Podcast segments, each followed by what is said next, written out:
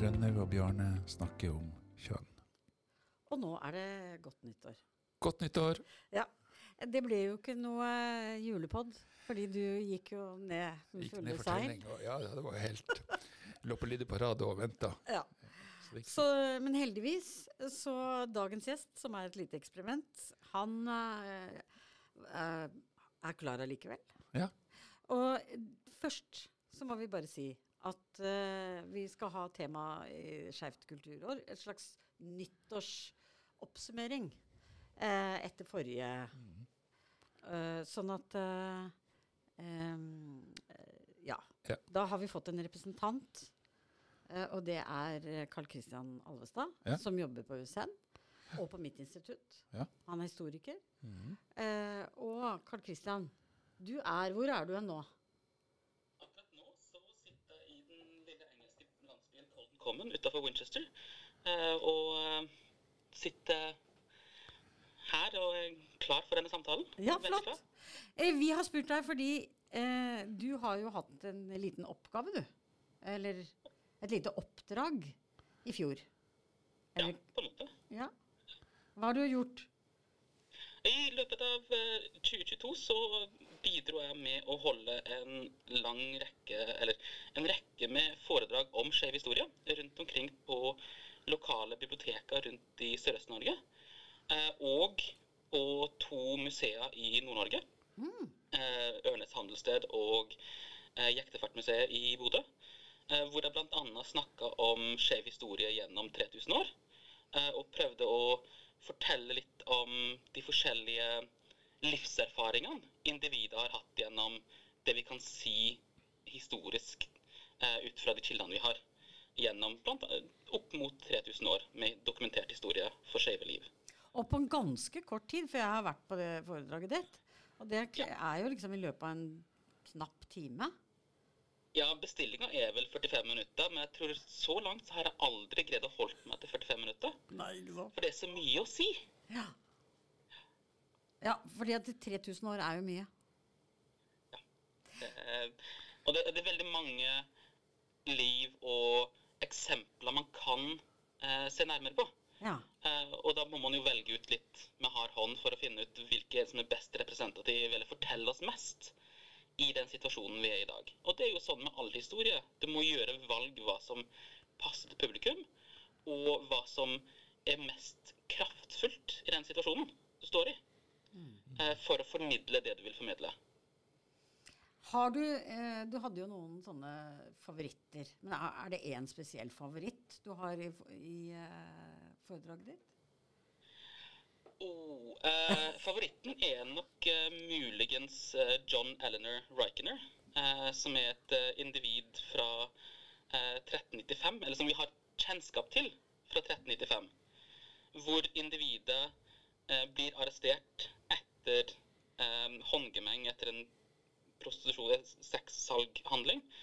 Eh, og individet forteller da i avhørsdokumentet som er det eneste kjente, den eneste kjente kilden vi har til individet. Der forteller hen om hvordan hen har livnært seg og levd opp til det tidspunktet. Og hvordan hen bytter kjønn. Eh, og hvordan det påvirker både det å være prostituert, eller um, det å arbeide i, i sexsalg, men også i andre deler av livet til individet Ja. og hvordan samfunnet rundt også forholde seg til dette individet, gir denne kilden også veldig spennende innblikk i. Så den er på mange måter en veldig sterk eh, og illustrerende kilde og fortelling om hvordan enkeltindivider kan finne sin egen vei. Og hvordan samfunnet ofte har vært mer aksepterende og hatt mye høyere takhøyde enn det vi av og til forestiller oss. For, eh, for denne personen Mm. har du to navn nå? Altså Ja. både et uh, kvinne- og et mannsnavn? Ja. Uh, hen bruker både uh, Eleanor og John, avhengig av situasjonen. Og i denne, dette forhørsdokumentet så bytter individet navn og pronomen på seg sjøl. Avhengig av situasjonen. Og Ja. avhengig av hvilken del av sin egen fortid hen forteller om. Ja, og så vidt jeg husker, eh, apropos det med toleranse, så var jo denne personen både prostituert overfor eh, de geistlige Ja. eh, og av begge kjønn. Ja. Og, og det er jo en av de spennende tingene med denne kilden, at der kirkeloven på mange måter skulle forby eller regulere prostitusjon i høymiddelalderen, eller det er vel egentlig senmiddelalderen på det tidspunktet, um, så gjennomfører Så, så um, bedriver da John Eleanor prostitusjon. Helt legitimt, ser det ut til. Og majoriteten av de kundene som hen refererer til at den har, er eh, nonner, prester, munker eller andre geistlige. Ja, det er helt Så det betyr jo at kirka, har jo, altså, som har ganske gode inntekter på dette tids- tidspunktet i middelalderen, bruker jo da deler av sine inntekter på kjødelige ting som de ikke skal drive med. Ja. Men det betyr jo at det var litt ikke så nøye Ja, som de trodde. Og det, det syns jeg er veldig gøy med, med det foredraget ditt. er At det er mange sånne forestillinger om fortida. At det var liksom så mørk og dyster og kaldt og ille. Eh, mens det kanskje ikke var så hardt som vi tror. Men eh, når du nå har reist rundt, er det noen morsomme situasjoner, eller hva, hva- tenker du du sitter igjen med av liksom, erfaringer med å være en sånn reisende i skeiv historie? Um, det jeg sitter igjen med, er hvor um, mye takknemlighet det er blant publikum for å få bli kjent med disse fortellingene. For på mange måter så Ja, dette siste, dette siste året har jo vært en feiring av skeiv kultur. Og de siste 50 årenes frigjøring. Men vi har på mange måter glemt, eller ikke tatt inn over oss, det behovet som er der ute for å få en dypere, lengre forståelse av hva det har vært å være skeiv gjennom årtusener. Eh, og hva den forståelsen kan gi av trygghet på en sjøl. Og det ser jeg i mange av de eh, stedene som har vært. Så har det ofte vært unge som har kommet opp etterpå og sagt 'tusen takk'. Dette var veldig givende for meg som person. Og ikke bare er det unge som har gjort dette, men også eldre som kommer opp og forteller da eh, om hvordan dette gjør at de forstår sine nærmeste på en helt annen måte. Og ser også hvordan samfunnet har utvikla seg gjennom århundrer. Og hvordan det henger sammen med den erfaringa av livet de lever sjøl. Mm. Og en av de kanskje morsomste erfaringene jeg gjorde, var at når jeg holdt foredraget i Skien, eh, så var det en del av Grenland Pride. Ja. Og etterpå så kom det to eldre herremenn opp eh, som Det er litt sånn uh, cringy å si, men de ga meg rett og slett en leseliste uh, over uh, eksempler de mente at kunne være givende å sette inn i en større kontekst med dette. Hvor bl.a. Uh, to bibelske hendelser og det de ville trekke fram. Og ikke, da, ikke for å undergrave det argumentet og den helheten som jeg prøvde å presentere i mitt foredrag, men mer for å støtte opp om. Fordi at det hjalp, de fortellingene hadde hjulpet dem med å bli trygg på seg sjøl. Men også hjalp dem til å se den fortellingen jeg presenterte i foredraget mitt, i et større sammenheng. eh, Og forstå hva det var å være skeiv på en annen måte. Spennende, det. Absolutt. Um, har du noen refleksjoner Nå har du vært um, Den turneen din er jo både en gjennom eh, Lørdagsuniversitetet og USN. Og, men har du noen refleksjoner knytta videre til liksom skeivt kulturår, som det har vært? En av Ja, altså, noen har jeg jo. En av dem er jo at mye av den offisielle støtten har jo gått til av de, mange av de store institusjonene. Um, og jeg vil kanskje si at skeivt kulturår i distriktet Nå bor jo jeg, eh, når jeg ikke er i England, så bor jeg jo på Notodden. Jeg kan ikke si at skeivt kulturår har vært synlig mye i distriktet. Så uten sånne små turneer, sånn som denne jeg gjorde, så hadde det blitt en veldig storbyfenomen. Um, og, og det er egentlig ganske synd at vi ikke får brukt denne muligheten til å være med på å endre holdninger som fremdeles finnes i det norske samfunnet, og bidra til en kanskje en mye større toleranse. Men samtidig eh, så har hell i uhell, eh, på bakgrunn av det som skjedde i Oslo i sommer, så har Skeivt kulturår fått en enda større betydning. Eh, særlig for de som deltar, og de som har behov for at det finnes. Som vi alle har. Um, men jeg tenker også at det å bare ha ett år å feire skeiv kultur blir feil.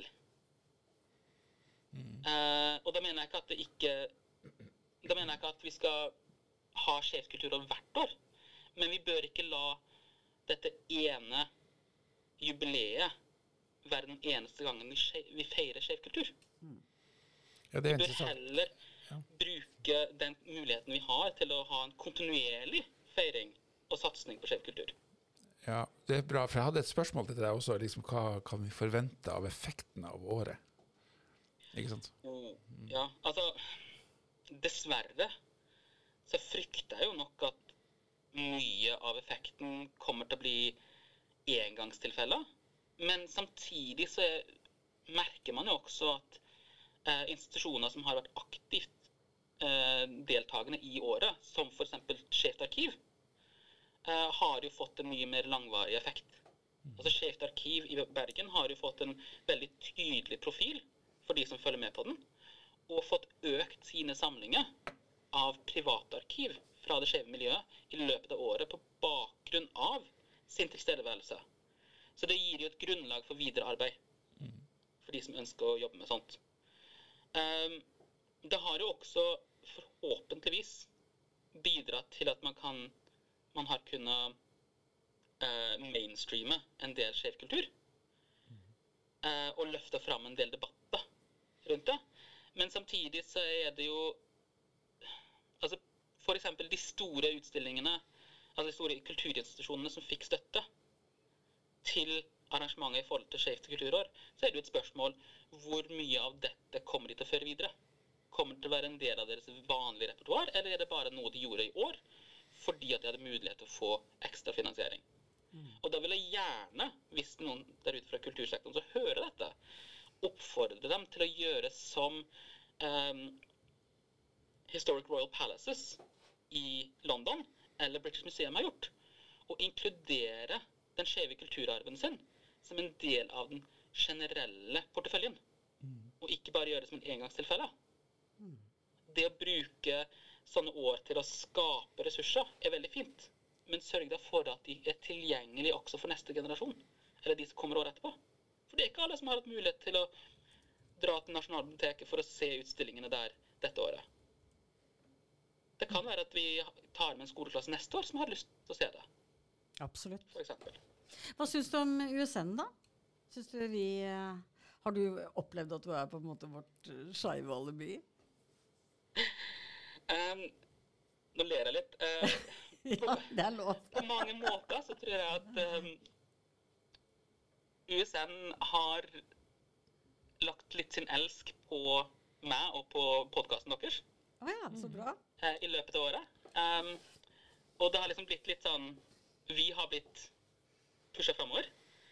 Eh, men samtidig så er det jo mye forskning og kunnskap i institusjonen knytta til skjev kultur, skjev historie, skjeve identiteter, som ikke blitt synliggjort. Eh, og det tror jeg egentlig er en felles ting med mange institusjoner i Norge, at vi vet ikke hva som finnes der ute av kunnskap. Det er det vi Eh, håper å gjøre noe med, vet du.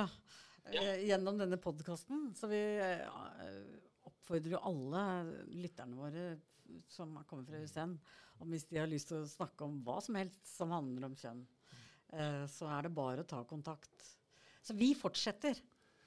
Ja. Ja. ja. Men Det, det er lovende, og, og da gleder jeg meg til å høre flere episoder. Det kan hende vi inviterer deg igjen til å snakke noe mer om noe spesielt du jobber med, altså. Men uh, Rønnaug, hva som er din favoritt på Skeivt kulturår? Ja, altså Da er jeg jo veldig nær eh, nær familie, kan du Ja. si. Jeg har en bror som er sanger, og han har eh, gjort noen duetter med menn eh, den, dette året. eh, Nils Beck. Så det er klart at eh, jeg er veldig stolt av lillebroren min som eh, holder på med det. Eh, sånn, og så har han skrevet en kjærlighetssang til en han, ikke, eh, som kanskje er litt annerledes. Eh, og du, da? Ja, eh, på en måte, Hvis vi er på kulturfeltet, så vil jeg kanskje trekke fram Preus museum i Horten. da. Som jeg syns er interessant med Over regnbuen, den fotoutstillinga. Spesielt med de, det de fant i et arkiv i Horten. er veldig spennende. Den utstillinga står til 8. januar, så det er jo bare på, hvis man ikke har vært her, så er det bare å dra. Fort. Ellers så er jo arbeidet med um, konverteringsterapiloven interessant. Både å lese og liksom følge debatten for og mot, og mange ulike ytringer for og mot. Så det har vært veldig spennende å følge med på, syns jeg. Ja, absolutt. Det syns jeg òg. Ja. Så det er jo noe som, vi, som fortsetter. Eh, da må vi si tusen takk til deg, Karl Kristian. Og eh, god tur hjem igjen til Norge. Vi ser deg snart.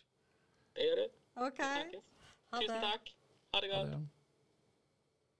Og da er det du og jeg, Bjarne, Er som har en lite Som på slutten eh, så vil vi si noe om eh, en, eh, et høydepunkt som jeg har hatt det siste året.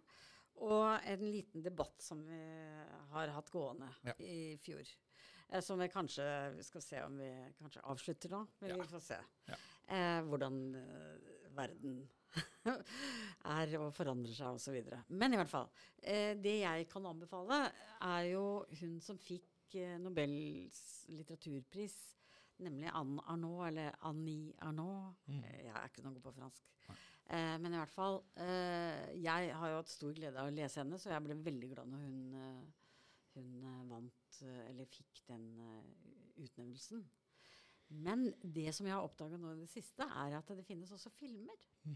Eh, og det er uh, over to bøker hun har skrevet. Som ene som heter 'Hendelsen'. Den har jeg sett. Og så er det en som heter 'En lidenskap', som jeg ikke har sett.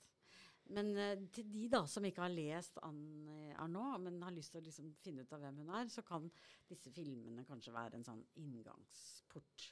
Jeg vil si at hendelsen handler jo om å ta illegal abort. Og den er ganske sånn tett på. Eh, og ganske Hva er det heter for noe sånn eh, Eksplisitt. ja, eksplisitt heter det.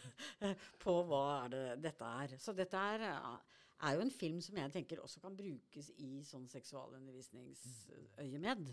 Eh, som jeg er opptatt av. Fordi at det kan vise hvordan dette egentlig foregikk, og eh, skammen rundt dette. Og en av de grunnene til at jeg er litt opptatt av dette nå, er jo fordi at det har vært en debatt eh, bl.a. i det eh, radioprogrammet som heter Arena, hvor det har vært veldig sånn motstand mot eh, hormonprevensjon. hormonprevensjon. Men samtidig at unge kvinner sier at de syns det er flaut å spørre menn om de kan bruke kondom. da. Så da tenker jeg oi, oi, eh, jenter, nå lever dere farlig. Så eh, jeg syns jo at eh, den filmen er eh, Anbefaler jeg veldig. Den er jo ikke noe hyggelig eh, sånn sett, men det er en utrolig god film. Eh, og jeg kan anbefale hennes forfatterskap så absolutt. Og da vil jeg vel si at å begynne med årene er den jeg eh, setter veldig pris på. Og det er jo fordi den har litt sånn Bourdieu-sving over. Ja, se der. Hun har sagt det at Bourdieu liksom åpnet opp eh, hennes syn på samfunnets betydning, da.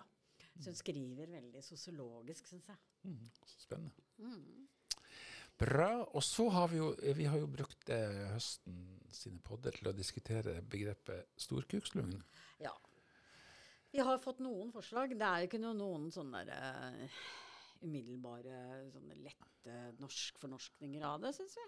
Så det, hvorfor vi kan bare beholde det svenske? Ja. Ja. Det er fint. Men det som er litt gøy, er jo at eh, Og det visste jeg ikke. Nei, ikke Så det måtte jeg jo eh, spørre deg om, eh, som bor delvis i Sverige, i hvert fall i helgene og i feriene. Eh, om det fantes eh, et svensk begrep som Altså, forhistorien er Andrew Tate, som er en uh, mannsgris, vil noen Ja. si, eh, han eh, oppfordret Eller han erta Greta Thunberg ved å si at han elska de store bilene sine og eh, Ja, hva syns hun om det? Sånn, han, han drev litt sånn macho. Uh, shame henne på en eller annen måte, eller hva vi skal kalle det. Og så svarer hun veldig elegant med å si ja, enlight me, altså opplys meg Ja. om dette fantastiske fossile eh, bilene du har.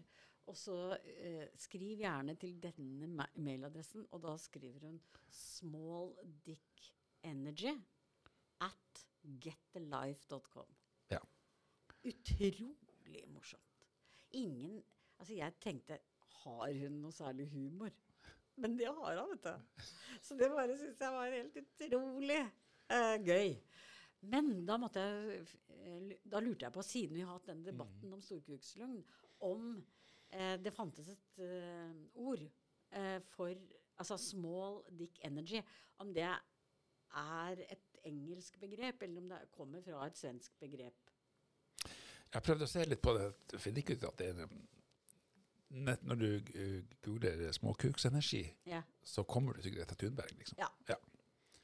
Så det er hennes. Ja, jeg tror det er hun som har coina det, altså. Ja. Ja. Eller så, eller så har vi jo i Norge Vi bruker jo om eh, menn med store biler. At vi kaller det for penisforlengere. Ja, eller byggmestere som må bygge høye bygg. Ja. Ikke sant?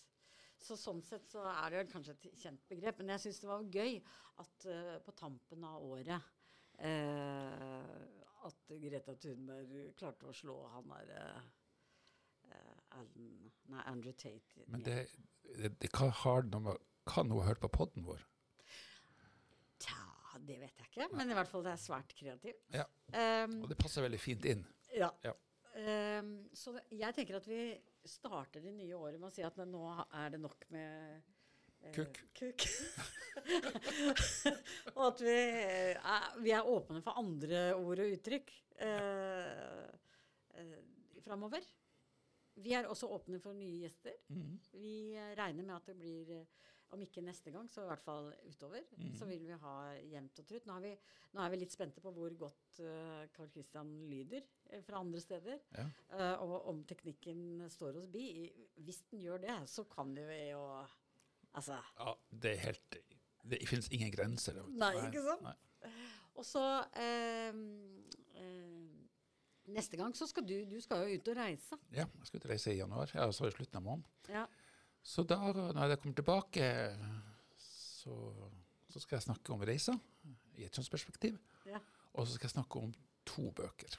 ja. Så da blir det en roman og en fagbok. Ja, flott.